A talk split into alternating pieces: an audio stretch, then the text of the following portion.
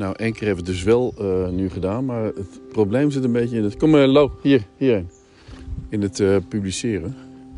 Normaal gesproken heb je ingesproken, gestopt, audio bewerkt. En dan kun je zeggen publiceer. En die publiceerknop die zit niet meer rechtsboven.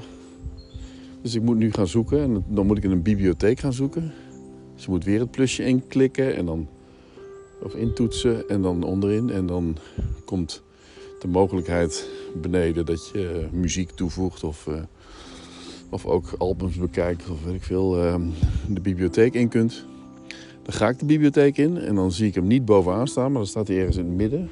Dan scroll je naar beneden en dan zie je een datum staan van nu 22 oktober. En dan, uh, dan denk je van nou, dan is dit hem. Dan klik ik daarop.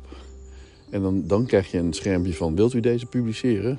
Ja, die wil ik publiceren. Dus ik klik op ja of uh, publiceer. En dan kom ik in het, uh, nogmaals in het, want ik had hem al een keer opgeslagen. Nogmaals in het tekstveld waarin ik de teksten toevoeg. In dit geval, of de vorige keer, BTF Anchor. En nu ben ik benieuwd of, dit, of deze op dezelfde manier wordt toegevoegd. En of er gewoon een nieuwe uh, gebruikersonvriendelijkere manier is om je podcastmakers uh, niet meer aan je te binden. Maar ik wel. Ik denk, dat, ik denk het wel namelijk. Fijne zaterdag.